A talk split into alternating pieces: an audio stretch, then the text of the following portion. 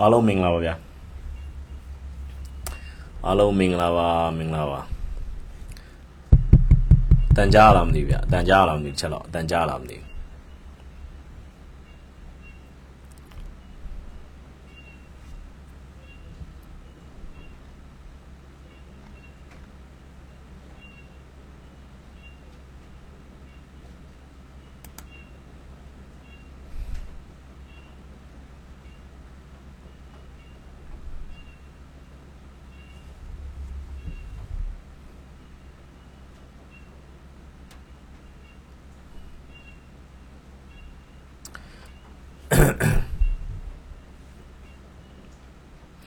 ကျေးဇူးပါကျေးဇူးပါကျေးဇူးပါဟုတ်ကဲ့ကျေးဇူးပါမင်္ဂလာပါမင်္ဂလာပါမင်္ဂလာပါယထာโอเค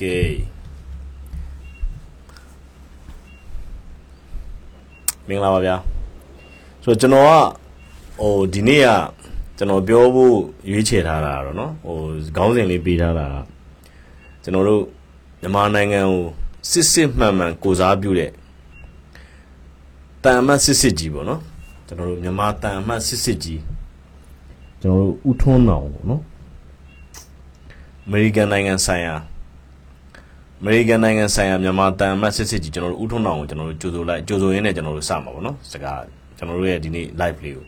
ကျွန်တော်ကတချို့တွေကပြောကြတယ်ကြိုပြီးကြင်ညာပေးပါပါညာပြောပြပြောကြတယ်ဗျပွင့်လင်းပြောရရင်ကျွန်တော်ကြိုပြီးကြင်ညာလိုက်ရင်ဒီကောင်လေးကျွန်တော် page ကိုဖျတ်တော့မှာကျွန်တော်သိတယ် ဒီကောင်တွေအခုကျွန်တော်တို့ဒီဟိုနေ့ဘက်ကနော်ဒီနိုင်ငံတော်အစိုးရဘက်ကနေပြီးတော့ပြောရရင်တော့နိုင်ငံတော်အစိုးရရဲ့အနှင်းတွေကိုကျွန်တော်တို့ပြောရရင်ဟိုဒီမှန်တဲ့ဘက်ကထောက်ပြနေတဲ့မီဒီယာတွေတော်တော်များများကိုဒီကောင်တွေကအနှင်းဖြစ်နေတယ်ဒီလက်ရှိအချိန်မှာဗာလဲဆိုတော့လိုက်ဖြတ်နေတာအများများနေတယ်အဲ့တော့ကျွန်တော်ကျွန်တော်တို့ဒီ page ကိုလည်းဒီကောင်တွေဖြတ်မှာ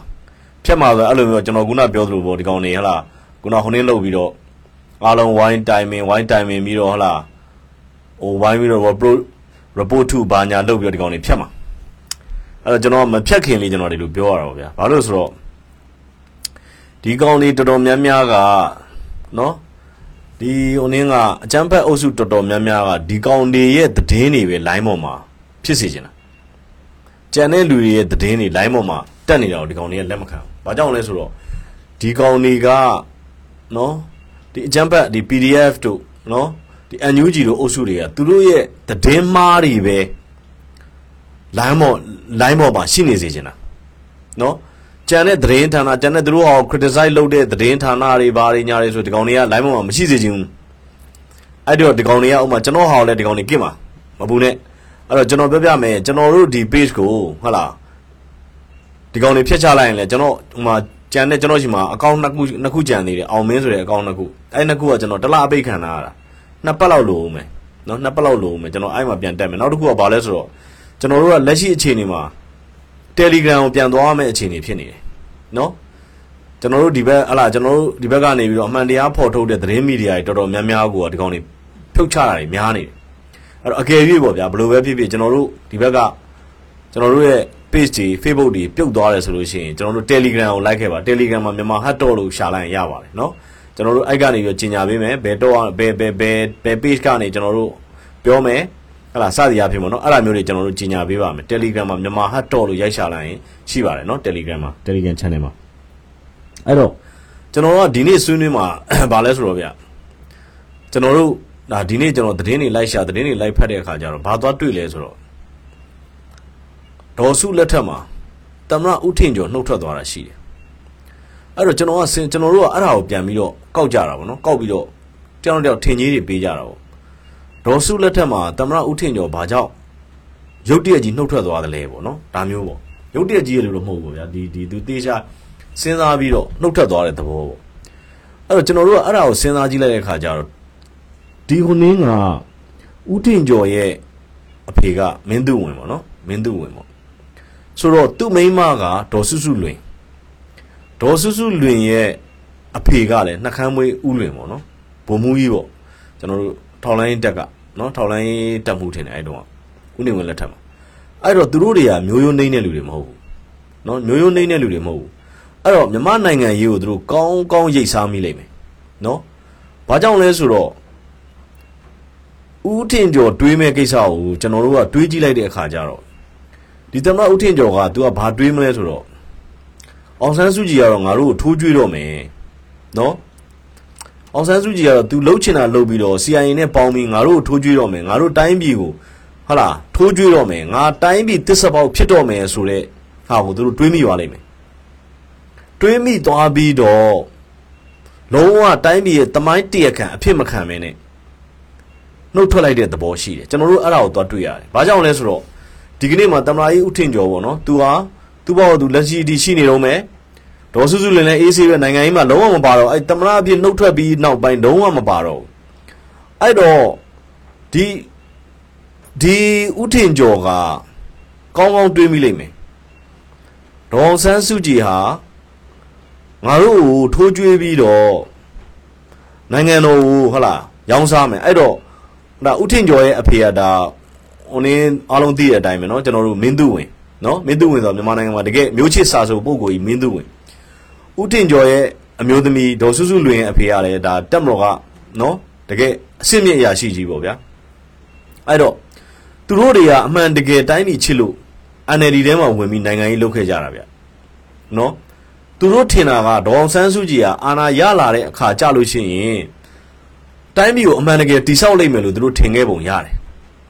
အဲ့ဒါကြောင့်မလို့သူ့ကိုတမနာပေးတဲ့အချိန်မှာသူလက်ခံသူလုပ်ပေးလိုက်တယ်ပေါ့နော်။ဒါပေမဲ့ဒေါ်ဆန်းစုကြည်လက်ထဲမှာအာဏာရလာတဲ့အချိန်နောက်ပိုင်းမှာ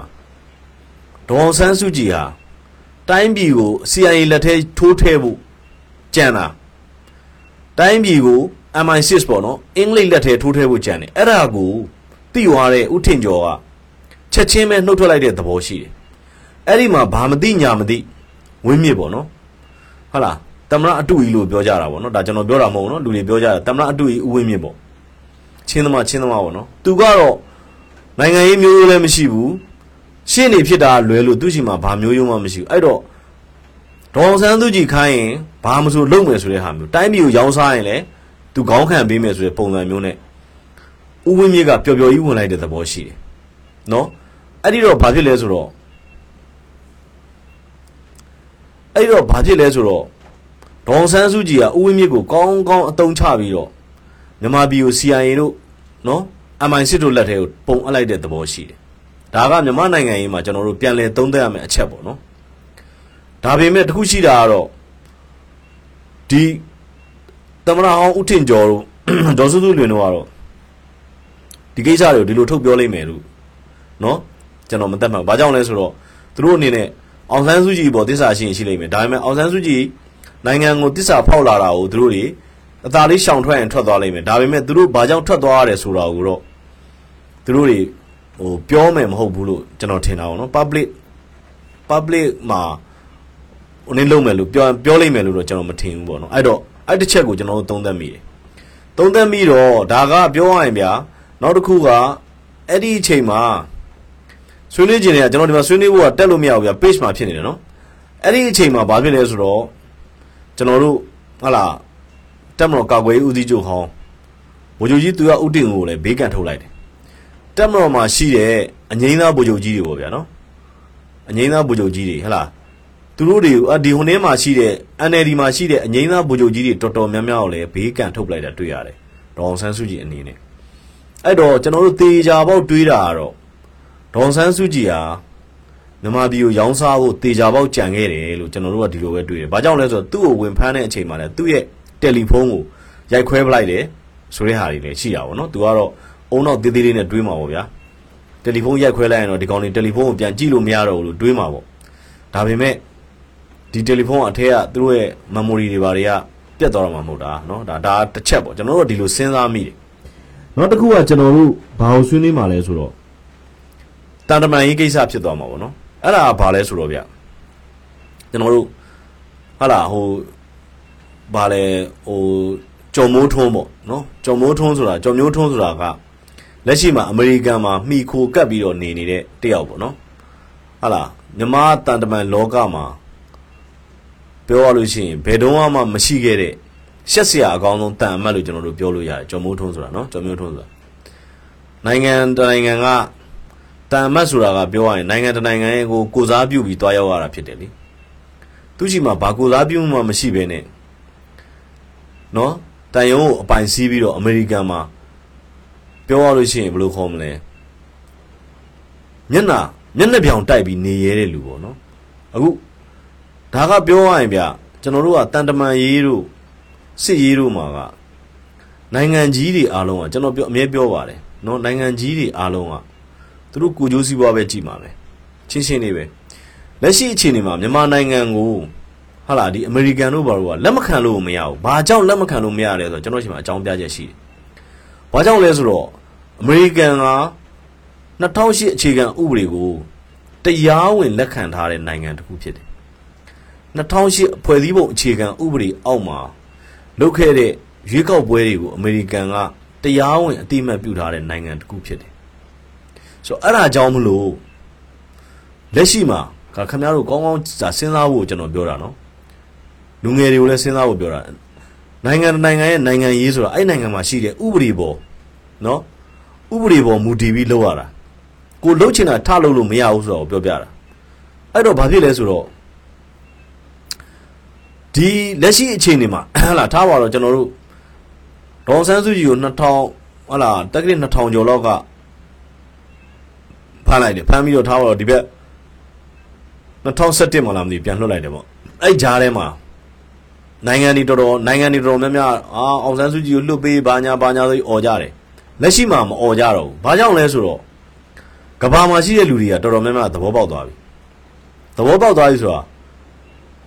ပြောရရင်ဒေါအောင်ဆန်းစုကြည်ရှိရလဲတချို့အချက်အလက်တွေနော်တချို့အချက်အလက်တွေရသွားတာလည်းဖြစ်ရင်ဖြစ်နေမယ် နော်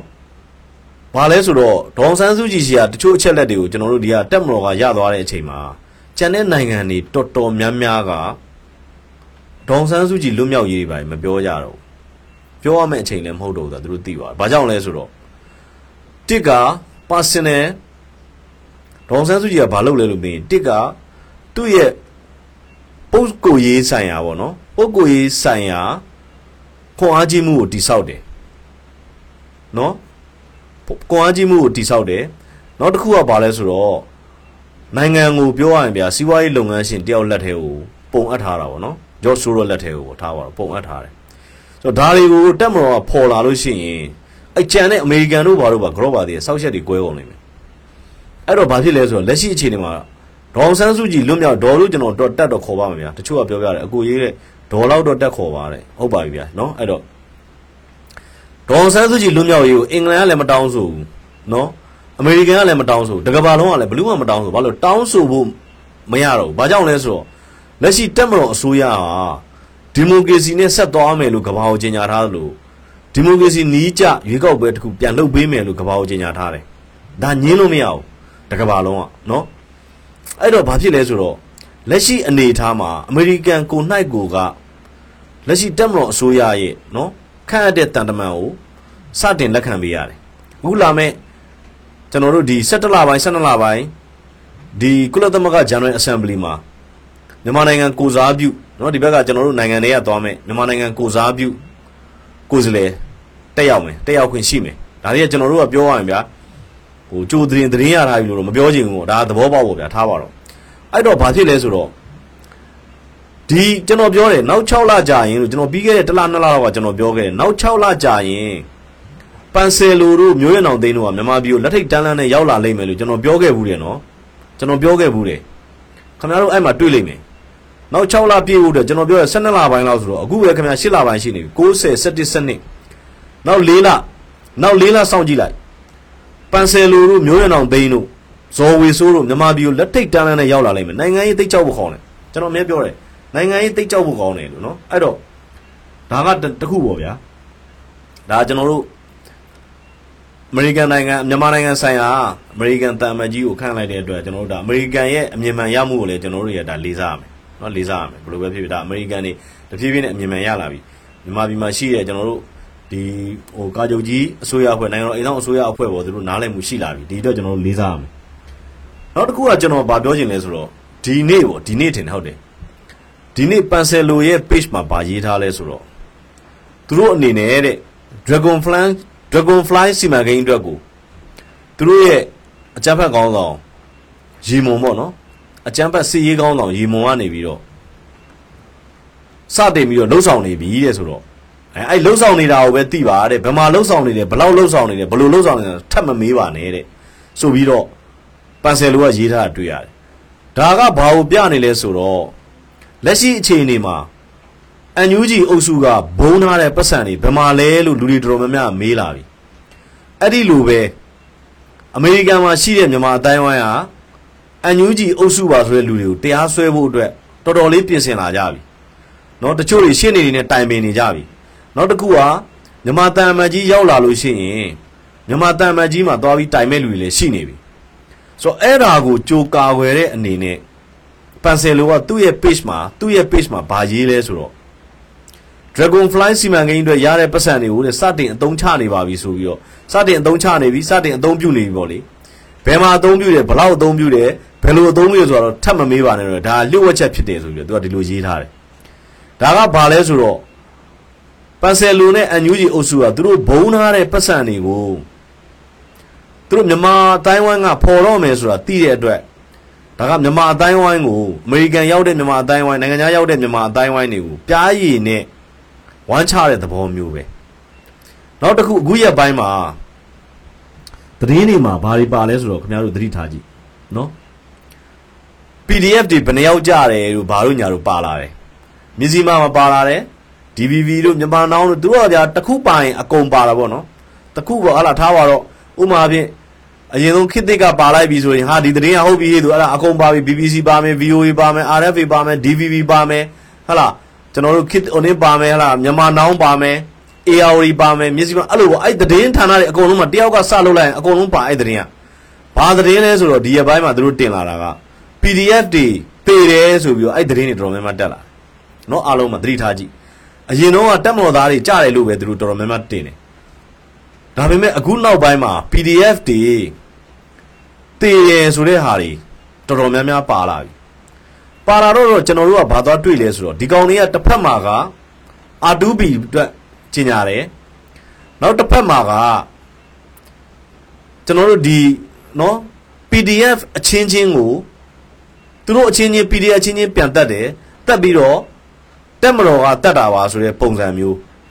တက်မတော်နဲ့တိုက်ပွဲမှာတည်တာပါဆိုတဲ့ပုံစံမျိုးသူတို့ကဒီလိုပုံစံမျိုးလှုပ်လာကျွန်တော်အဲ့ဒါကြောင့်ပြောတယ်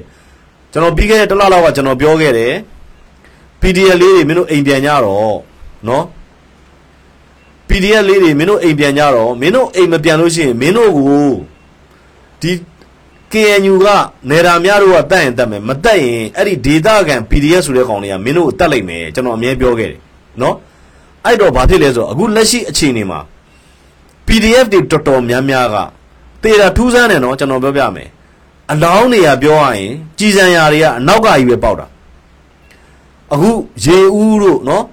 ဟာလာသူတို့အဲ့မှာအဓိကအားဖြင့်မကွေးနဲ့စကိုင်းတိုင်းထဲမှာနော် PDF တွေတည်တဲ့ကြည်စံရာတွေအားလုံးကအနောက်ကကြီးပဲနောက်စီရာကြီးပဲတည်ကြတာနောက်စီရာကြီးပဲထိပြီးတော့အသေးစိုးနဲ့တည်ကြတာအဲ့တော့နောက်တစ်ဖက်မှာဘာလုပ်လာလဲဆိုတော့နောက်တစ်ဖက်မှာကြတော့ကြေးရွာတွေကို အဲ့ဒီရွာခံ PDF တွေကသူတို့ကိုယ်တိုင်သူတို့မီးပြန်ရှို့လာတယ်မီးရှို့တဲ့နေရာမှာအဲ့မှာပြဿနာတက်တယ်နော်ကျွန်တော်တို့ကြားတာကတခြားမန္တလေးတို့ရန်ကုန်တို့ကရောက်နေတဲ့ PDF တွေကရှို့ရင်တရားလုံးရှို့လို့ပြောတယ်ဒါပေမဲ့ကြွာကန်တွေကသူတို့နဲ့မတည့်တဲ့အိမ်တွေပဲရှို့တယ်သူတို့ PDF ကိုထောက်ပံ့နေတဲ့အိမ်တွေသူတို့ PDF ကိုဖေးကမ်းနေတဲ့အိမ်တွေတအိမ်မှမီးလောင်ကျွမ်းခြင်းမရှိဘူးဒါထူးဆန်းစွာတွေ့ရတယ်နောက်တစ်ခုကဘာဖြစ်လဲဆိုတော့ အဲ့ဒီမှာမီးရှို့နေတဲ့ဟာတွေမီးရှို့နေတဲ့ဓာတ်ပုံတွေကိုမီးရှို့တဲ့လူမပါဘဲနဲ့မီးလောင်တဲ့ဓာတ်ပုံတွေကမီးလောင်တဲ့မီးတောက်တွေနဲ့ဗီဒီယိုတွေကကြည်ကြဲပြန့်ပြန့်တက်လာတယ်ဒါတွေကကျွန်တော်တို့တဲလွန်စားတွေပေါ့နော်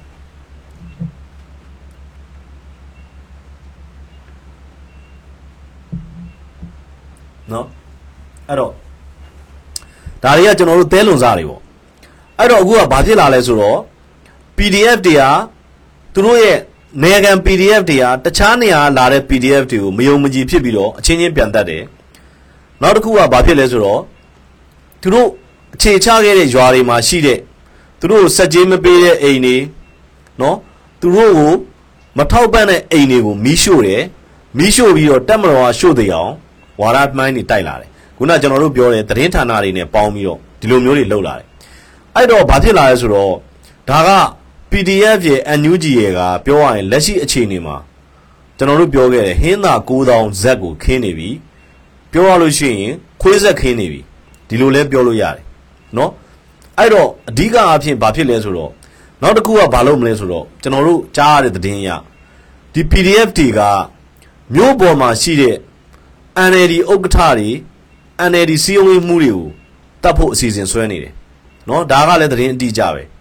အဓိကဘာလဲဆိုတော့သူတို့ကအခုလာမယ့်17လပိုင်း12လပိုင်းမှာကျင်းပမယ့် General Assembly မှာမြန်မာလက်ရှိမြန်မာအိမ်ဆောင်အစိုးရကလူခွင့်ရေးတွေချိုးပေါက်နေတယ်ဟဟလားရွာတွေကိုမီးရှို့နေပါတယ်ဆိုတော့အထောက်ထားတွေတင်ဖို့အတွက်သူတို့ကိုယ်တိုင်ဟဟလားလက်ရှိအခြေအနေမှာဒီ PDF တွေကိုယ်တိုင်အဲ့သူတို့ရဲ့တက်တက်ဆိုင်ရာရွာတွေကိုသူတို့မီးရှို့နေကြပြီနောက်တစ်ခုကဘာလုပ်လဲဆိုတော့အဲ့ဒီရွာမှာရှိတဲ့ရွာသားတွေကို အပြင်ကိုဟုတ်လားသူတို့ပြောတဲ့ဟိုစစ်ပြေးဘာခေါ်မလဲစစ်ပြေးဒုက္ခတဲ့စခန်းဆိုတဲ့ဟာတွေသူတို့ဘောက်သူတို့စောက်ပြီးတော့အဲ့ဒီနေရာတွေကိုမောင်းထုတ်နေတယ်လက်ရှိအခြေအနေမှာဆိုအဲ့တော့ဒါတွေကကျွန်တော်ပြောချင်တာကဘာလဲဆိုတော့ပြည်သူတွေအနေနဲ့သဘောထားအောင်ဒီချိန်မှာတတိထားမယ့်အချိန်ဖြစ်နေပြီ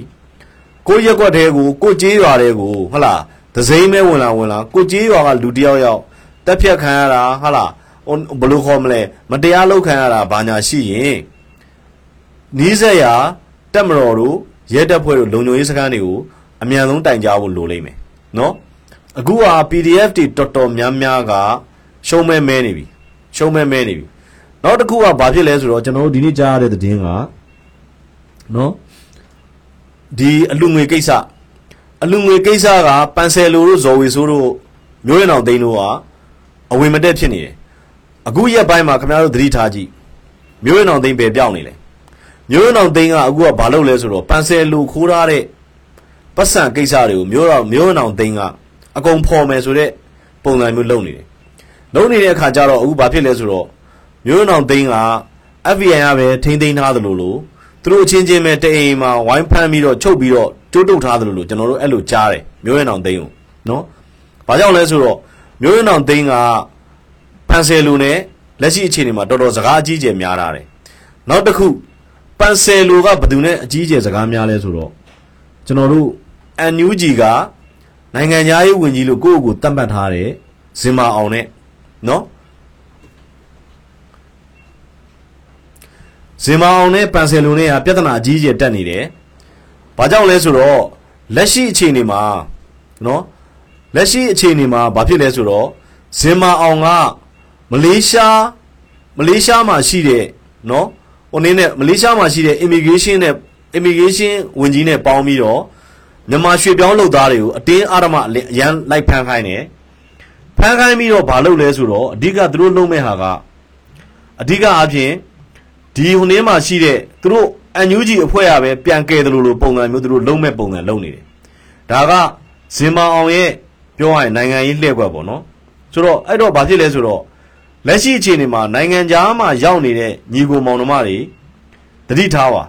တတိထားပါဆိုတာဒီ NUG အဖွဲ့ကနိုင်ငံရေးလှည့်ကွက်တွေအများကြီးသုံးလာပြီเนาะအခုကျွန်တော်တို့မလေးရှားမှာရှိတဲ့ မြန်မာတွေနဲ့ကျွန်တော်တို့ဆက်သွယ်ကြည့်တယ်နော်မမြန်မာတွေနဲ့ဆက်သွယ်ကြည့်တဲ့အခါမှာဘာပြောလဲဆိုတော့သူတို့တွေရလားဒီအချိန်မှာအဓိကအားဖြင့်အန်ယူဂျီကိုမထောက်ခံတဲ့လူတွေကိုအဓိကဖမ်းတာပုံများနေတယ်လို့သူတို့ပြောတယ် အဲ့ဒါနဲ့ကျွန်တော်ကထပ်မေးကြည့်တော့ဘာပြောလဲဆိုတော့အဓိကအားဖြင့်ဇင်မာအောင်ကမလေးရှားနိုင်ငံသားရေးဝန်ကြီးနဲ့တွေ့တဲ့အချိန်မှာဘာပြောခဲ့လဲဆိုတော့အော်ပရာစီလုပ်ပေးပါအဓိကအားဖြင့်အန်ယူဂျီကိုမထောက်ခံတဲ့လူတွေဖမ်းပါဆိုတဲ့အားမျိုးတွေသူတောင်းဆိုခဲ့တာရှိတယ်ဆိုတော့ကျွန်တော်ကဒီလိုပြောလိုက်လို့အန်ယူဂျီကိုဟလာထောက်ခံကြဆိုတဲ့ပုံစံမျိုးမဟုတ်ဘူး။ဘာကြောင့်လဲဆိုတော့ဒီအန်ယူဂျီအုပ်စုတွေကပြောရလို့ရှိရင်ဟိုကို အသားတွေကလောက်ထွက်ပေါ့နော်။ကိုယ့်ရဲ့လူမျိုးကိုဒုက္ခပေးပြီးတော့သူတို့ရဲ့ဟာလားဟိုဘယ်လိုခေါ်မလဲသူတို့ရဲ့အုံနင်းကိုမဟာဗျူအောင်မရရအောင်အကောင့်ထဲပေါ်မယ်ဆိုတဲ့ပုံစံမျိုးဖြစ်နေတယ်။နောက်တစ်ခုထိုင်းမှာထိုင်းမှာဘာဖြစ်လဲဆိုတော့လက်ရှိမှာထိုင်းနိုင်ငံမဲဆောက်မြို့မှာပဲနောက်ထပ်အယောက်200ထပ်မိတယ်အဲ့ဒါကကျွန်တော်တို့ ဟိုနင်းကနေဖန်ဟိုနင်းကနေပြီးတော့လူကုန်ကူးလာတာဘယ်သူကနေလဲဆိုတော့ကျွန်တော်တို့ဒီမြန်မာဟိုနင်းကနေခေတ်သစ်မီဒီယာရဲ့ခေတ်သစ်မီဒီယာကတာလုံဆောင်ထက်နဲ့တာလုံဆောင်ထက်ရဲ့မိသားစုနော်သူ့ရဲ့တာလုံဆောင်ထက်ရဲ့ဟိုနင်းတွေကမမာပြည်ကနေပြီးတော့ပို့လိုက်တဲ့ဟိုနင်းပေါ့နော်သူတို့ကတာလုံဆောင်ထက်ရဲ့ရဲမင်းရဲ့မြန်မာပြည်ထဲမှာထိုင်းကိုပို့တဲ့ကုမ္ပဏီတခုသူတို့ကတခြားနာမည်တခုနဲ့ထောင်ထားတာရှိတယ်သူတို့ကအဓိကအပြင်ဘာလုပ်လဲဆိုတော့မြန်မာပြည်ထဲကနေပြီးတော့ဟာလာဒီ မဲဆောက်ကိုဟိုမြောက်ဝတီကိုဖြတ်ပြီးတော့ထိုင်းထဲကိုသူတို့ကလူတွေထည့်တယ်အဓိကအပြင်တနေရာမှာအလုပ်ရမယ်ဆိုတော့အာမခံချက်မျိုးနဲ့ထည့်တယ်ဟိုဘက်ကနေလက်ခံပေးတာကဥခိုင်ဆိုတဲ့လူတယောက်ဥခိုင်ကြီးဆိုတာခင်ဗျားတို့သိလိမ့်မယ်ထိုင်းနိုင်ငံမှာရှိတဲ့မြန်မာတန်ယုံရှိမှာဟာလာမြန်မာနိုင်ငံကိုဆဲဆိုဖို့အတွက်လူစုပေးတဲ့ဥခိုင်ကြီးဆိုတဲ့ AAC က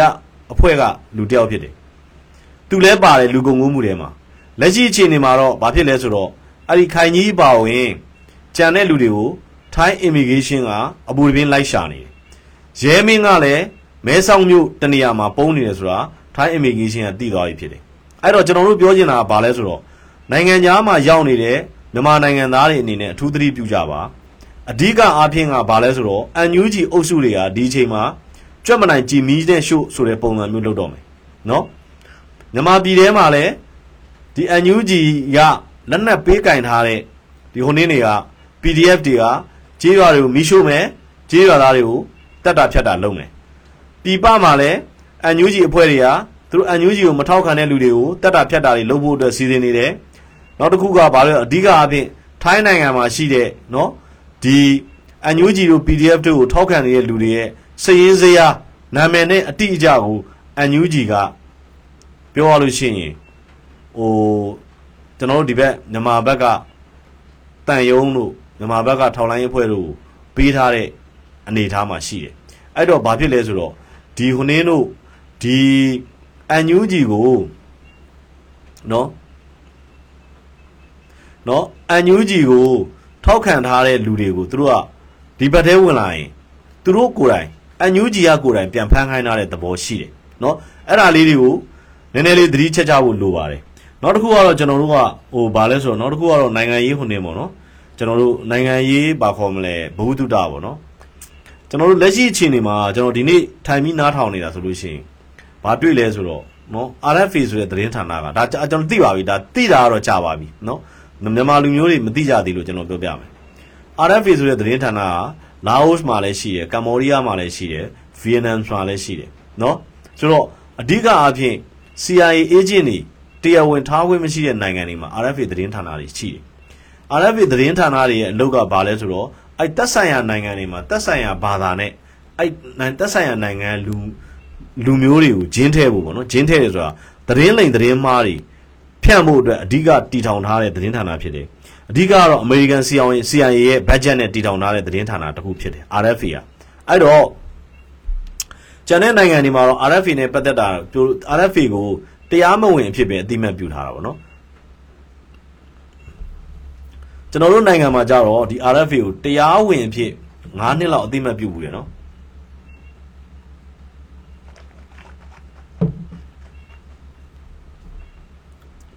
ဆိုတော့ဘာဖြစ်သွားလဲဆိုတော့ RFA ကတရားဝင်သတင်းဌာနလို့လို့ဘာလို့လို့ဖြစ်သွားတယ်အဲ့ဒီအချိန်မှာဒါပေမဲ့အမှန်တကယ်တော့မဟုတ်ဘူး RFA ကပြောရလို့ရှိရင်ဒါ ဟို CIA နဲ့ပတ်သက်နေတဲ့သတင်းဌာနတစ်ခုဖြစ်တယ်အဲ့ဒါကြောင့်ကျွန်တော်ပြောချင်တာကဘာလဲဆိုတော့ RFA နဲ့ပတ်သက်ထားတဲ့လူတွေပတ်သက်မိတဲ့လူတွေနော်ဒီအချိန်မှာနောက်ဆုံးနေပြီပါနောက်ဆုံးနေပြီပါဆိုတာဘလို့ပဲဖြစ်ဖြစ်ဒါဟာ RFA နဲ့ RFA DVB နော် DVB ကသူ့ရဲ့ fan နဲ့သူရက်တည်မယ်ဆိုပြီးလုပ်လိုက်တယ်ဒါပေမဲ့ DVB က Norway ရဲ့အထောက်ပံ့နဲ့ရက်တည်တာပေါ့နော်ဆိုတော့အဓိကအားဖြင့် RFA ပေါ့နော် RFA ကပြောရလို့ရှိရင် Radio Free Asia လည်းရှိတယ် Radio Free Europe လည်းရှိတယ်အဓိကအားဖြင့်သူက ဘာအတွက်အဓိကတည်ထောင်ထားရလဲဆိုတော့ဒီပြောရရင် CIA ရဲ့ sales တွေနဲ့ပြောရရင်သူတို့ budget ချပေးလို့ရအောင်ပေါ့နော် Radio Free Asia Radio Free Europe တို့ Radio Free Africa လို့ဆိုပြီးတော့သူကလှုပ်ထားတာပေါ့နော်အဲ့တော့ကျွန်တော်ပြောချင်တာကအဓိကအဖြစ် RFA နဲ့ပတ်သက်နေပတ်သက်တဲ့လူအားလုံးနောက်ဆုတ်ပါနောက်ဆုတ်တော့ဘာကြောင့်နောက်ဆုတ်ပါလဲဆိုတော့ဒီသတင်းဌာနဟာပြောရရင် CIA နဲ့ပတ်သက်နေတဲ့သတင်းဌာနတစ်ခုဖြစ်လို့ခင်ဗျားတို့အဲ့လိုမှမဟုတ်ရင်ကျွန်တော်တို့ဟိုဘယ်လိုခေါ်မလဲ သူတို့မလိုအပ်တဲ့အချိန်ကျရင်ခင်ဗျားတို့ထိုးကြွေးခံရလိမ့်မယ်เนาะအဲ့ဒါကိုကျွန်တော်ပြောချင်တယ်နောက်တစ်ခုကကျတော့ကျွန်တော်အဓိကဘာပြောချင်လဲဆိုတော့နောက်တစ်ခုမှကျတော့ကျွန်တော်ဒီနေ့ကသတင်းတွေဖတ်ရင်လည်းကျွန်တော်စဉ်းစားမိတာ KNU တို့ KIA တို့ရှိနေတယ် KNU တို့ KIA တို့ရှိနေတာနဲ့အဲ့ဒီဒေတာတွေမှာဘာကြောင့်မလို့ PDF ဆိုပြီးပြန်ပေါ်လာရတာလဲနော်နော် PDF ဆိုပြီးဘာကြောင့်ပေါ်လာရလဲဆိုကျွန်တော်စဉ်းစားကြည့်တော့အဲ့ဒါဆိုလို့ရှိရင် PDF မှာပြင် KIA ဒေတာမှာ PDF ပေါ်လာရဆိုရင်ဒါဆိုရင်ကြံတဲ့ဟလာဒီအဲ့ KIA ထိတ်ချုပ်ထားတဲ့နေမြေကလူတွေက KIA ကိုမထောက်ခံတော့လို့ပေါ့နော် KIA ကိုမထောက်ခံတော့လို့ပေါ့ကျွန်တော်စဉ်းစားကြည့်ရဟုတ်ပြီ KNU နေမြေမှာ PDF ဆိုပြီးပေါ်လာတယ်ဟာလားကရင် PDF ဆိုတာညာဆိုပြီးပေါ်လာတယ်အဲ့ဒါဆိုလို့ရှိရင် KNU နယ်မြေမှာ KNU ကိုပြည်သူအဲ့မှာရှိတဲ့ပြည်သူတွေကမထောက်ခံတော့ဘူးဆိုတာကိုပြတာနော်ထောက်ခံတယ်ဆိုလို့ရှိရင် KNU နဲ့ဒီလူငယ်တွေက KNU ဒေသမှာဆိုရင် KNU နဲ့သွားပေါင်းမှာပေါ့ဗျာဒါရှင်းရှင်းလေးပဲ KNU နဲ့လက်နက်ကင်နေတာပဲဟုတ်တယ်နော်အဲ့လိုပဲ KIA နဲ့သွားပေါင်းမှာပေါ့ကချင်ဒေသမှာဆို KIA နဲ့သွားပေါင်းမှာပေါ့အဲ့တော့ KIA နဲ့တော့မပေါအောင်ဒီဘက်မှာ KIA နဲ့တော့မပေါအောင်နဲ့ PDF ဆိုပြီးတီးတန့်ပေါ်လာတာဒါသိကြတယ်အဲ့လူငယ်တွေက KIA ကို KNU တို့ကိုမထောက်ခံဘူးဆိုတာဒါပြနေတာဗောနော်ကျွန်တော်တို့အဲ့လိုတွေးမိတယ်ဆိုတော့နောက်တစ်ခုကဘာလဲဆိုတော့ကျွန်တော်တို့ဒီနေ့အဲ့နိုင်ငံခြားသတင်းတွေကိုကျွန်တော်တို့လိုက်နားထောင်ရင်းနဲ့အဓိကဘာတွေ့လဲဆိုတော့ မြန်မာပြည်နဲ့ပတ်သက်ပြီးတော့နော်ဟလာဒီကကုလသမဂ္ဂကမနေ့ကထင်တယ်မနေ့ကညဘက်ကထင်တယ်နော်မနေ့ကညဘက်ကထင်တယ်မြန်မာပြည်နဲ့ပတ်သက်ပြီးတော့လူခွင့်ရေးချိုးဖောက်တယ်ဘာညာဆိုပြီးတော့သူတို့ဟို resolution ဘာညာချမယ်ဘာညာဆိုပြီးတော့သူကလှုပ်တယ်လှုပ်တဲ့အခါကျတော့ဘာဖြစ်လဲဆိုတော့ကျွန်တော်ပြန်စဉ်းစားမိတာကြတော့ဟုတ်ပြီကျွန်တော်တို့ဒါအမြဲပြောပါတယ်เนาะဒီ American စစ်တပ်တို့ဘာတို့ရဲ့စစ်ရာဇဝတ်မှုကျူးလွန်တာတွေကြတော့ နော်ဘာကြောင့်မလို့မချလဲဆိုတော့ကျွန်တော်အဲ့ဒါတိရတက်တဲ့လူတွေမေးကြည့်တော့သူတို့ဘောက်ကော်မင်းနဲ့သူတို့ဘောက်ကြိုက်တဲ့လောက်ချပါစေတဲ့တော့ sorry အားလုံးကဘာလုပ်နေရလဲဆိုတော့တဲ့အားလုံးကသူတို့ရဲ့နော်သူတို့ရဲ့ဘယ်လိုခေါ်မလဲ proposal အတွက်အလုပ်လုပ်နေကြတာပဲတဲ့နော်အခုထားပါတော့မြန်မာပြည်ရဲ့လူခွင့်ရေးကိုဟလာစုံစမ်းတယ်တို့ဘာတို့ညာတို့လုပ်နေတဲ့လူတွေကအဓိကဘာလဲဆိုတော့ သူ့ဘောက်ကိုစုံစမ်းရင်စုံစမ်းမယ်မစုံစမ်းရင်မစုံစမ်းဘူးနော်ဘာဖြစ်လဲဆိုတော့အဓိကအားဖြင့်သူတို့ရဲ့ proposal ပေါ့နော်သူတို့ရဲ့ proposal ရဖို့အတွက်အဓိကလုပ်နေတာပဲတဲ့ဒါတွေကိုကုလသမဂ္ဂကလည်းဘာမှလက်ခံမှာပြောရရင်ဘာမှထည့်စဉ်းစားမှာမဟုတ်ဘူးတဲ့အဓိကကဘာကြောင့်မလုပ်လဲဆိုတော့အဓိကကကဘာမှာတကဘာလုံးမှာဟာလားလက်နက်ကင်လက်နက်ကင်ချင်းတိုက်တယ်ဆိုလို့ရှိရင်အဓိကအားဖြင့်အစိုးရကတော့ပြောရရင် policy အရမလုပ်ရင်ဘာမှမဖြစ်ဘူးတဲ့ဥပမာထားပါတော့ဟာလားကျွန်တော်တို့ဒီကမ္ဘောဒီးယားမှာဆိုလို့ရှိရင်ခမာနီတွေကသူတို့လူမျိုးကိုသူတို့ဟိုဘောပြောရရင်နိုင်ငံရေးကြီးမှန်းချက်ရှိရှိမျိုးတုံးပြောက်ကွယ်အောင်လုပ်ပလိုက်တာเนาะသူတို့လူမျိုးကိုသူတို့အဲ့တော့ဘာဖြစ်လဲဆိုတော့အဓိကအပြင်အဲ့တော့လူမျိုးတုံးဟလာလူမျိုးတုံးတက်ဖြတ်မှုတို့ဘာလို့ဒါခမာနီတွေခေတ်မှာဖြစ်သွားတယ်မြန်မာပြည်မှာရောမြန်မာတက်မတော်မှာရောအဓိကအပြင်ကအဲ့ဒီလိုမူဝါဒလည်းမရှိဘူးအဲ့ဒီလိုတယောက်နှစ်ယောက်ကလှုပ်တာဖြစ်ရင်ဖြစ်လိမ့်မယ် ဒါကလည်းပြောရရင်မြန်မာတက်မတော်ကဒါကိုမလုပ်ဖို့အတွက်စီမင်းစည်းကမ်းချမှတ်ပြီးသားဒီအတွက်ဘာမှခေါင်းနဲ့ထည့်စဉ်းစားစရာမလိုဘူးကောမင်းနဲ့ဒါမျိုးပြောရတယ်ဆိုတော့အဲ့တော့ကျွန်တော်တို့စဉ်းစားကြည့်တာဘာလဲဆိုတော့ဒီဟိုနင်းကဒါနဲ့ဆက်ဆက်ပြီးတော့ဆက်စဉ်းစားကြည့်ကြတာဗောနော်မြန်မာပြည်မှာအတွက်တာ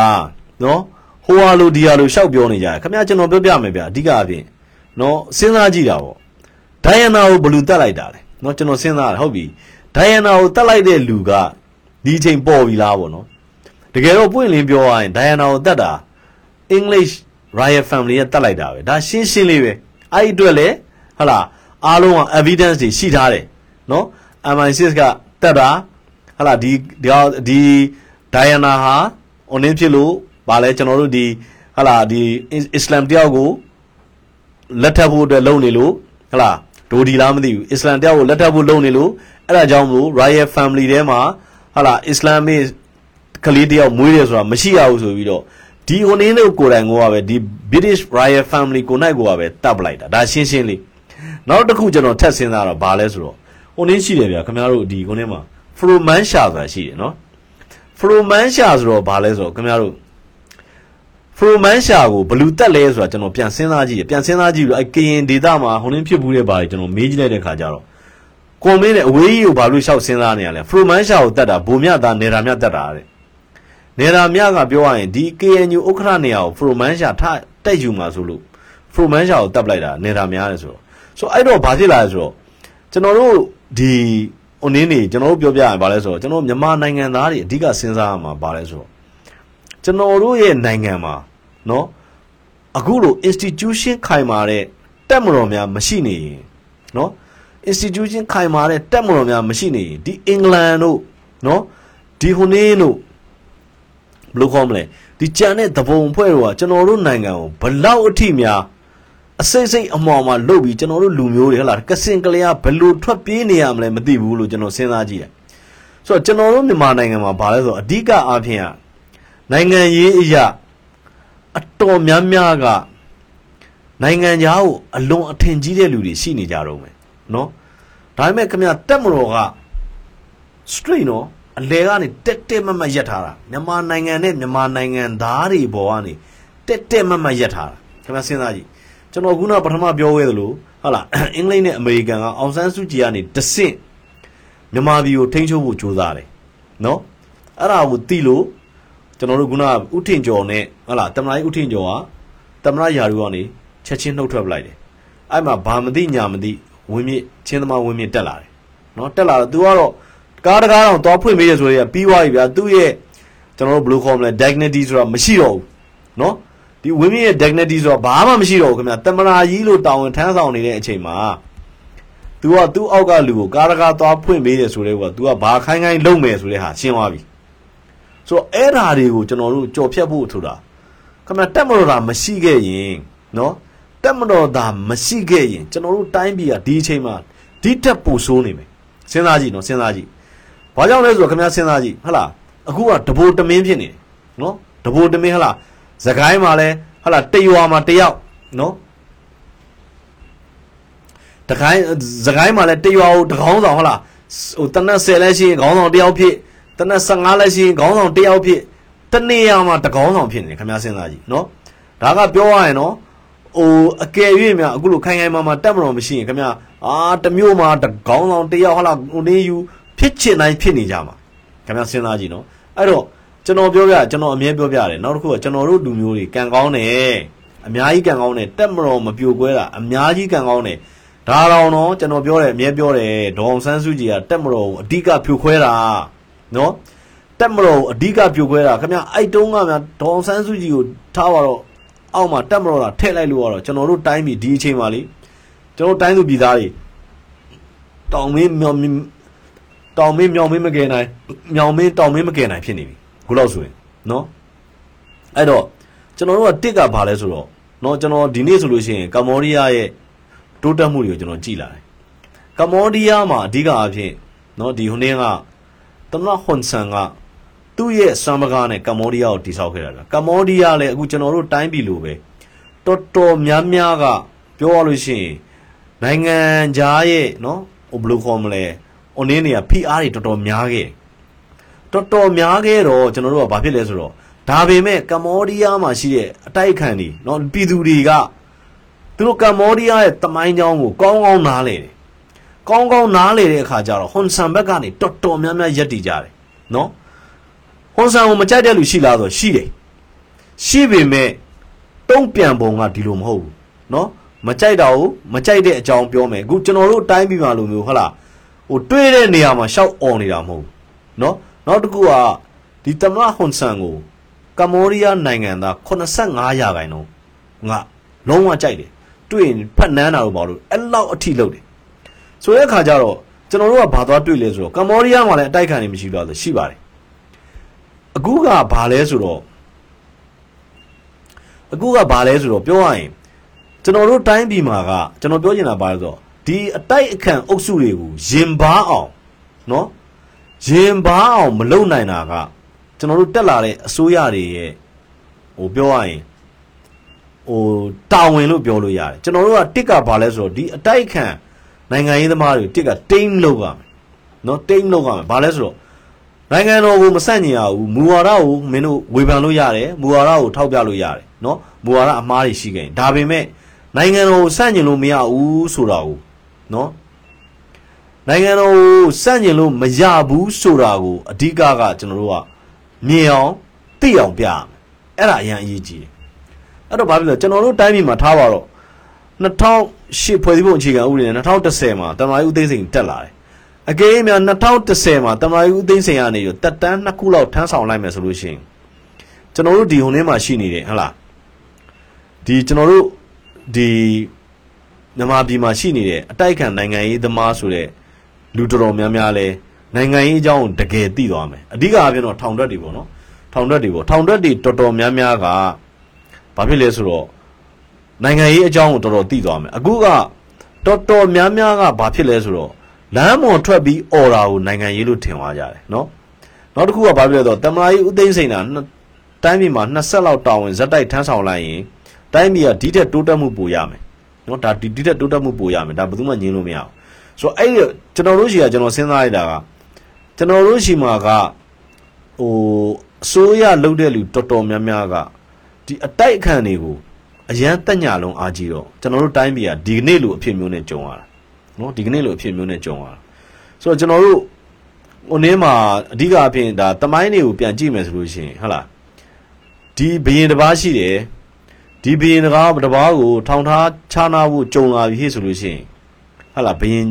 ဘာကောင်ကြီးပဲဖြစ်ဖြစ်အဲ့ဘရင်က short လိုက်တာများတယ်ဒါကဘာလဲဆိုတော့ကျွန်တော်တို့လည်းအရင်တော့တမိုင်းစာအုပ်တွေဖတ်တော့အာထားပါတော့ဗျာဟုတ်ကျွန်တော်တို့ဟလာဒီဟိုနေ့နေ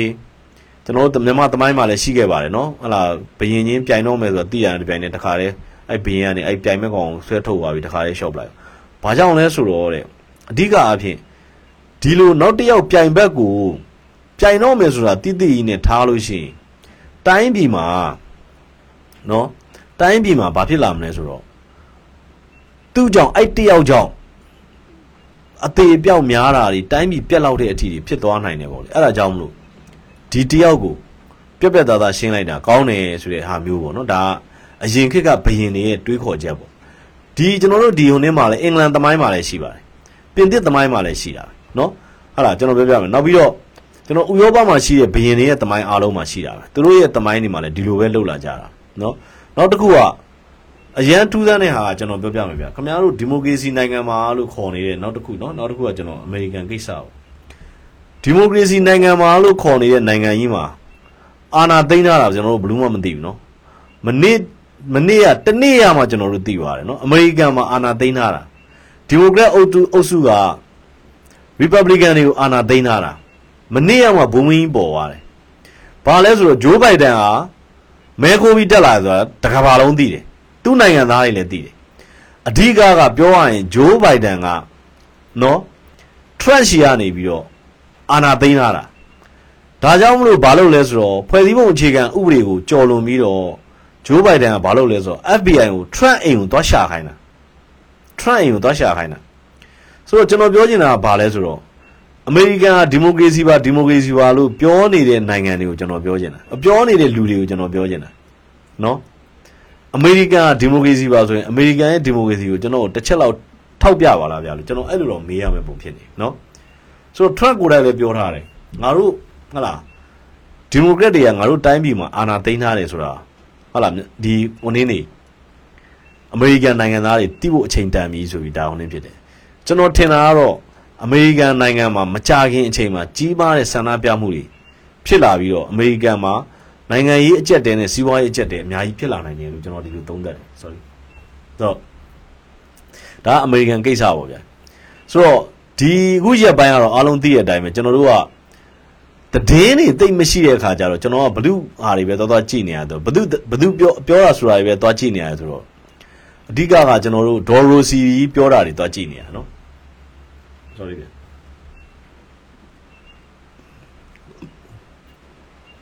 ဟိုနေ့မော့ကျွန်တော်တို့အမေရိကန်ကဒေါ်ရိုစီအောင်ပေါ့နော်သူပြောတာတွေပဲကျွန်တော်တော်တော်ပြီးနားထောင်နေရတယ်ဒေါ်ရိုစီအောင်ပြောတာတွေကတော်တော်များများကအမှန်တွေကြီးပဲဗျနော် အမှန်တွေကြီးပဲသူကဒေါ်ရိုစီအောင်ကကျွန်တော်သူ့ရဲ့စကားတွေနားထောင်ချက်ရတော့သူကလက်ရှိအခြေအနေမှာရှေ့နေနဲ့တိုင်ပင်နေပြီဒီပန်ဆယ်လိုတို့အုပ်စုတွေကိုတရားစွဲဖို့အတွက်သူတိုင်ပင်နေပြီနော်ဘာကြောင့်လဲဆိုတော့ဒီပန်ဆယ်လိုတို့အုပ်စုတွေကဗတ်ထားတာတွေအတွက်ကိုသူတို့ရှိမှတက်သေးတွေရှိနေပြီလို့လည်းပြောတယ်နော်နောက်တစ်ခုကဒီဟိုနင်းကအခုကနောက်ကျွန်တော်တို့ဒီအာရှဘက်ကိုလှည့်ရရင်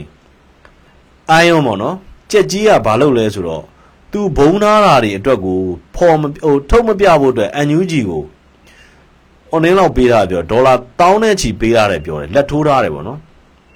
လက်ထိုးထားတယ်ဆိုတဲ့ပုံစံမျိုးကျွန်တော်တို့ကြားရတယ်အဲ့တော့ကျွန်တော်တို့ကဒါတွေကိုကြည့်ပြီးကျွန်တော်တို့ကဘာသာသုံးသပ်မိလဲဆိုတော့ဒီအန်ယူဂျီအုပ်စုတွေကမကြခင်မကြခင်ဆိုတော့ကျွန်တော်တို့စွန်းနာစွန်းနာပေါ့နော်လေတာလို့မပြောဘူးစွန်းနာပေါ့နော် မကြခင်အချိန်မှာတယောက်နဲ့တယောက်ခွက်ဆောင်နေခုတ်ပြီးတော့တယောက်နဲ့တယောက်ခွက်ဆောင်နေခုတ်ပြီးတော့အန်ယူဂျီအုပ်စုတွေကစောက်ရှက်တွေကွဲပြီးတော့အကွဲကွဲအပြည့်ပြည့်ဖြစ်တော့မယ်ဒါတိတ်မကြတော့မယ့်အချိန်မှာနော်တိတ်မကြတော့တဲ့အချိန်မှာအဲ့တော့ဘာဖြစ်လဲဆိုတော့အဓိကအဖြစ်ကခင်ဗျားတို့ကြိုက်တာဖြစ်ပန်ဆယ်လူဟာလားပန်ဆယ်လူရဲ့ကြက်ကြီးရဲ့ဟိုဘက်ကဇော်ဝေဆိုးအုပ်စုရဲ့ အထုံးနဲ့အထည်နဲ့ဖြစ်သွားပြီအထုံးနဲ့အထည်နဲ့ဖြစ်သွားပြီဒါကခင်ဗျာဘလို့မှညင်းလို့မရတော့အဲ့တော့သူတို့ကပြဿနာဖြစ်လေကြိုက်လေပဲလာမှာပဲနော်ပြဿနာဖြစ်လေကြိုက်လေပဲဒါဘာကြောင့်လဲဆိုတော့ဒီငွေရရှိမှုကနော်ဘယ်သူမှတရားဝင်စစ်လို့မရဘူးလေဗျာတခုပဲလုပ်လို့ရတယ်ဒါကဘာလဲဆိုတော့ဂတိပေါ့ဗျာနော် sorry ဗျာဂတိပေါ့ဘာဂတိလဲဆိုတော့ဘုံရောင်းတယ်ဆိုတဲ့ဟာတွေကတစ်ချိန်မှာပြန်အမ်းပေးမယ်ဆိုပြီးတော့သူတို့နှစ်နှစ်တာဝန်ယူထားတာရှိရနော် နှစ်နှစ်တာဝန်ယူထားတာရှိတယ်အဲ့ဒီဘုံရောင်းမယ်ဆိုတဲ့နှစ်နှစ်တာဝန်ယူထားတာပြည့်သွားလို့မှဒီဘုံကိစ္စကိုပြန်မရှင်းပေးလို့ရှိရင်ဒီဘုံဝယ်ထားတဲ့လူတွေအနေနဲ့ပန်ဆယ်လိုကိုတရားစွဲလို့ရတယ်ဒီထဲမှာခင်ဗျားထားလိုက်ဗျာဟလာတချို့ဟန်ဆောင်ပန်ဆောင်ဝယ်ထားတဲ့လူတွေလည်းရှိမယ်ဟန်ဆောင်ပန်ဆောင်ဝယ်ထားတဲ့လူတွေကတော့တေချာပေါက်တရားဆွဲလိမ့်မယ်ဒါဟာပြောရရင်လိန်တာပဲလေလိန်လယ်မှုပဲ ပန်ဆယ်လိုထင်နေတာကသူ့လူတွေကြီးပဲဝယ်ထားတယ်ထင်တာမဟုတ်ဘူးပန်ဆယ်လိုတက်တက်တရားဆွဲဖို့ဝယ်ထားတဲ့လူတွေကျွန်တော်တို့လာဆက်သွယ်ရရှိရကွန်မင်းခမရအတာနေကျွန်တော်တို့ဘယ်လောက်ဘူးဝယ်ထားတယ်ကျွန်တော်တို့ဘယ်လောက်ဘူးဝယ်ထားရဆိုပြီးတော့ကျွန်တော်တို့ကအပိုင်ဆွဲမှာတရားဆွဲမှာသူတို့ပေးထားတယ်ဟလားနှစ်နှစ်အတွင်းပြန်အမ်းပေးပါမယ်လို့သူတို့ပြောထားတယ်အဲ့လိုပြန်အမ်းပေးတာကိုမအမ်းပေးတဲ့အချိန်ဒါကျွန်တော်တို့လိန်လည်မှုပဲ အမေရိကန်မှာရှိနေတဲ့လူတယောက်ဟာခမရငွေကြေးလိန်လည်မှုဟာခမရတစ်ချက်ပဲလိန်လိန်တပန်းပဲလိန်လိန်လိန်လည်မှုမြောက်တယ်ဆိုတော့ဒါမျိုးလုံးပါဆိုတော့အဲ့ဒါကြောင့်ကျွန်တော်ပြောပြနေတာကကျွန်တော်မပြောဘူးလို့ထားတာပါပန်ဆယ်လူတို့အုပ်စုမြန်မာနိုင်ငံကိုလက်ထိတ်တန်းလန်းနဲ့ရောက်လာမဲ့ရက်တွေကတဖြည်းဖြည်းကောင့်တောင်းဖြစ်နေပြီတခုတော့ရှိတာပေါ့နော်တခုတော့ရှိတာပေါ့ဘာလဲဆိုတော့မြန်မာပြည်မရောက်လာဘူးဆိုရင်တော့ ဒါကျွန်တော်အပြစ်ပြောရင်ပြောရမှာဘာကြောင့်လဲဆိုတော့အမေရိကန်မှာပဲဒီကိစ္စကတရားစီရင်တရားစီရင်မှာဒါပြောလို့မရဘူးဟုတ်လားမြန်မာပြည်ကိုပြန်မလွှဲပေးဘူးပြထားပါတော့ဟုတ်လားမြန်မာပြည်မှာဟုတ်လားတည်ငြိမ်တဲ့အစိုးရမရှိသေးလို့ပြန်မလွှဲပေးဘူးဆိုလဲဟာလာဒီ FBI ဆိုတဲ့အဖွဲ့က Donald Trump လို့အိမ်မျိုးကိုတော့ဝင်ရှာပြီးတော့အပြစ်ပေးဖို့အတွက်ဝင်ရှာတယ်ဆိုတော့ပန်ဆယ်လိုလိုအမျိုးသမီးတယောက်ကိုခမအမေရိကန်နိုင်ငံရဲ့ဂွမ်တာနာမိုတော့မဟုတ်ဘူးဗျာထားပါတော့ အကျဉ်းတော်တခုကိုမပို့ဘူးလို့ခင်ဗျားတို့ထင်နေသလားလက်ရှိအခြေအနေမှာ sorry လက်ရှိအခြေအနေမှာအမေရိကန်နိုင်ငံဆိုင်ရာမြန်မာတန်မတ်အစ်စ်ကြီးကလည်းအမေရိကန်ကိုရောက်နေပြီเนาะအဲ့တော့အမေရိကန်နဲ့မြန်မာရဲ့တန်တမန်ဆက်သွယ်ရေးကမကြခင်မှာ smooth ဖြစ်တော့မယ်เนาะအဲ့တော့ဘာဖြစ်လဲဆိုတော့ကျွန်တော်ပြောပြမယ်ပန်ဆယ်လူက တရားစွဲဖို့အတွက်တရားရုံးရှိမှပြူတိပြူတိလုပ်နေတဲ့လူတွေအများကြီးဖြစ်နေပြီဒီပတ်စံကိုကောက်ထားတာပန်ဆယ်လူဘလူဂရိခံပြီးကောက်ထားလဲဘုံကိုဘလူဂရိခံပြီးရောင်းထားတယ်လေသူတို့တက်ပြတာကျွန်တော်တော့တော်တော်လေး online ဖြစ်သွားတာဟာခင်ဗျားတို့တော်တော်ကြိုမြင်တာပဲဆိုဟာကျွန်တော်တို့ကကြိုလုတ်ထားတာတဲ့ကော်မင်းနဲ့သူတို့ပြောတယ်နှစ်နှစ်အတွင်းဟလားအာဘလောက်ပြန်အမ်းပေးမယ်ဘာညာဟောလေဟလားပြန်ပြန်ပြီးတော့ online ဖြစ်မယ်ဆိုကျွန်တော်တို့နည်းနည်းလေးဆိုသူတို့ပြန်အမ်းပေးလို့ရရင်ရမယ်ဒါမှမဟုတ်ဘူး ကျွန်တော်တို့ပြန်အမ်းပေးမဲ့လူကလည်းမနေဘူးတို့ပေမဲ့တခုရှိတာကကျွန်တော်တို့ဒီပေါ်မှာအမျက်တွေရှိလာမယ်အများကြီးပေါ့လေသူတို့ဝယ်ထားတဲ့ပတ်စံကလည်းမနေဘူးဗျာနော်ဟိုရင်းနာတာပေါ့ဗျာဒါကြီးသူကအရှုံးမရှိဘူးနော်အရှုံးမရှိဘူး तू ကဘလို့ပဲဖြစ်ဖြစ်ဟလား तू ကအ ਨੇ ဆုံးတော့အရင်ပြန်ရမယ်ဒါပေမဲ့ဒီပတ်စံကိုဘလို့ပြန်အမ်းမလဲဆိုတာပန်ဆယ်လိုဒီအချိန်မှာစဉ်းစားရတော့မယ်နော်ပန်ဆယ်လိုဒီအချိန်မှာစဉ်းစားနောက်ပြီးတော့ဒီပန်ဆယ်လိုနဲ့အန်ယူဂျီကိုစလက်ကွက်တွေဖမ်းထားတဲ့အုပ်စုတွေကတတ်တတ်ရှိတယ်ဗျာနဲတာမဟုတ်ဘူး နော်နဲတာမဟုတ်ကျွန်တော်ကထင်တာကပန်ဆယ်လိုမျိုးရအောင်သိန်းတို့ကိုဟုတ်လားဟိုကနေပြီးတော့စေးကြောက်သမားတယောက်ယောက်ငှားပြီးတော့ကြိတ်မယ်ထင်တာနော်စေးကြောက်သမားတယောက်လက်ထဲကိုဘာညာလေးပေါ့ဗျာဟုတ်လားဟိုအတူလေးဘာညာလေးထည့်ပေးပြီးတော့ကြိတ်မယ်ထင်တာမဟုတ်ဘူးတဲ့အဲ့လိုသွားကြိတ်ရင်အမေရိကန်မှာနည်းနည်းဟိုနည်းဖြစ်သွားမှာပေါ့တဲ့ဒီကောင်မတွေဟီးရိုးဖြစ်သွားမှာပေါ့တဲ့အမေရိကန်လိုနိုင်ငံမျိုးမှာကျွန်တော်တို့ကကွန်မင်းနဲ့တရားဥပဒေအရာပဲလုပ်လို့ရတယ်တဲ့အဲ့တရားဥပဒေအရာလုပ်တာက တနတ်နဲ့ပြစ်တာတဲ့ပိုဆိုးတယ်တဲ့ခမ ्या ကြည့်ပါတဲ့ခမ ्या ခမ ्या အဲ့ဒါကြောင့်ကွန်မင်းခမ ्या ပြောလိုက်တာတဲ့ပန်ဆယ်လိုကနောက်6လကြာလို့ရှိရင်မြန်မာနိုင်ငံကိုလက်ထိတ်တန်းလန်းနဲ့ရောက်လာတော့မယ်ဆိုခမ ्या ပြောလိုက်တော့ကျွန်တော်တို့ထင်တာကဟာခမ ्या ကျွန်တော်တို့လုပ်မဲ့အလုပ်အစီအစဉ်ကိုကြိုသိနေပြီလားမသိဘူးလို့နော်နော်ဟိုကြိုသိနေပြီလားမသိဘူးလို့ကျွန်တော်တို့ကထင်တာတဲ့ပေါ့ပါဘူးလို့ကျွန်တော်ကကျွန်တော်ဒီဘက်ကကျွန်တော်တွက်ကိန်းနဲ့ကျွန်တော်ပြောတာပါလို့ဘာလို့ဟိုဘက်မှာတန်မတ်ရောက်မယ် တန်မတ်ရောက်လာလို့ရှိရင်တန်မတ်ကနေဟိုကအမေရိကန်ဆိုရအောင်တောင်းဆိုမယ်အမေရိကန်အနေနဲ့ဟလာ innocent civilians တွေကိုနိုင်ငံရေးခုံလုံငွေပေးလို့ရတယ်ဒါပေမဲ့အကြမ်းဖက်သမားတွေကိုနိုင်ငံရေးခုံလုံငွေပေးထားတာဟာအမေရိကန်နိုင်ငံရဲ့စံတန်မိုးတွေကိုချိုးဖောက်တာဖြစ်တယ်အကြမ်းဖက်သမားတွေကဘယ်သူတွေလဲဒီလူဒီလူဒီလူတွေကအကြမ်းဖက်သမားတွေဒီလူတွေကြောင့်မလို့ကြေးရွာတွေပျက်စီးတယ်ဟလာဒီလူတွေဟာမြန်မာနိုင်ငံမှာမြန်မာနိုင်ငံနဲ့ဒေတာတွင်းကိုချင်းချောက်ဖို့အတွက်မြန်မာနိုင်ငံထဲကိုလက်နက်တွေမှောင်ကိုဝယ်သွင်းနေတဲ့လူတွေဖြစ်တယ်ဆိုပြီးတော့ ဒါကဟိုနင်းလောက်ပိုင်းဆိုပြီးတော့ကျွန်တော်ကအဲ့လိုတွက်တာအဲ့လိုတွက်လိုက်တဲ့အခါကျတော့သူတို့ကြောက်လဲတစ်ဖက်ကအဖွဲကြောက်လဲတစ်ဖက်ကအဖွဲကသူတို့တွက်ခိုင်းနေသူတို့အဲ့တော့ကျွန်တော်တို့ကပြောနေတာကဘာလဲဆိုတော့ခင်ဗျနိုင်ငံရေးမှာခုနပြောလို့တိုက်ဆိုင်နေဆိုတာမရှိဘူးနောက်တစ်ခုကနိုင်ငံရေးမှာငါတို့တယောက်တည်းမှန်တယ်လို့ခင်ဗျာပြောနေလို့ရှိရင်တိတ်ပြီးတော့မတရားရကြပါမယ်နိုင်ငံရေးမှာသူမှန်ကိုမှန်နေအများကြီးရှိတယ် ကျွန်တော်တို့ကအဲ့ဒါကြောင့်ပြောတာနိုင်ငံရေးကိုလက်နက်ကင်ဖြည့်ရှင်းတဲ့လူဟာတကယ်ရောတတိရှိကြရဲ့လားလို့ကျွန်တော်မေးတာသူများတကာကိုတတ်တယ်ဆိုတာသူအသက်ရှင်ခြင်းလို့ပေါ့ဗျာသူများတကာကိုတတ်ဖို့အတွက်နိုင်ငံခြားကနေအမိန်ပေးနေတဲ့လူတွေဟာသူတို့ကိုယ်တိုင်တေမာကြောက်လို့ပေါ့ဒါရှင်းရှင်းလေးပဲမင်းကိုယ်တိုင်စကားနဲ့ပဲပြောမယ်ချင်းကြောက်တာကိုမကြောက်ရင်အဲ့မကြောက်တဲ့လူကနိုင်တယ်ရှင်းရှင်းလေးပဲဟာလားအခုကျွန်တော်တို့မြန်မာနိုင်ငံထဲမှာအုပ်ကြီးတွေကိုလိုက်တက်တယ် အုပ်ကြီးတွေတယောက်ကြွားရင်နောက်တယောက်တက်တယ်နောက်တယောက်တယောက်ကြွားရင်နောက်တယောက်တက်တယ်အဲ့တော့ဘာဖြစ်လဲဆိုတော့ချင်းကြောက်တယ်တနက်နဲ့ပြစ်ပြီးချင်းကြောက်တယ်မင်းတို့အုပ်ကြီးမလုံးနဲ့ဆိုပြီးချင်းချင်းကြောက်တယ်လှုပ်တယ်အုပ်ကြီးလှုပ်တယ်အဲ့တော့ချင်းကြောက်တာကိုမကြောက်လို့ရှိရင်အဲ့မကြောက်တဲ့လူကနိုင်တယ်ဒါမေးခွန်းနိုင်ပြောတဲ့စကားရှင်းရှင်းလေးပဲအဲ့တော့ကျွန်တော်တို့ကမြန်မာနိုင်ငံမှာရှိတဲ့မြန်မာနိုင်ငံသားတွေကိုမြန်မာပြည်ထဲမှာရှိတဲ့မြန်မာပြည်သားတွေကိုဘယ်လိုပဲချင်းကြောက်နေသည် နော်ပြည်ပကနေပြီးတော့တနက်တွေဝယ်ပေးတယ်ဒရုန်းတွေနဲ့ဟလာဘုံတွေချတယ်နော်နောက်ပြီးတော့ကျေးရွာတွေကိုမီးရှို့တယ်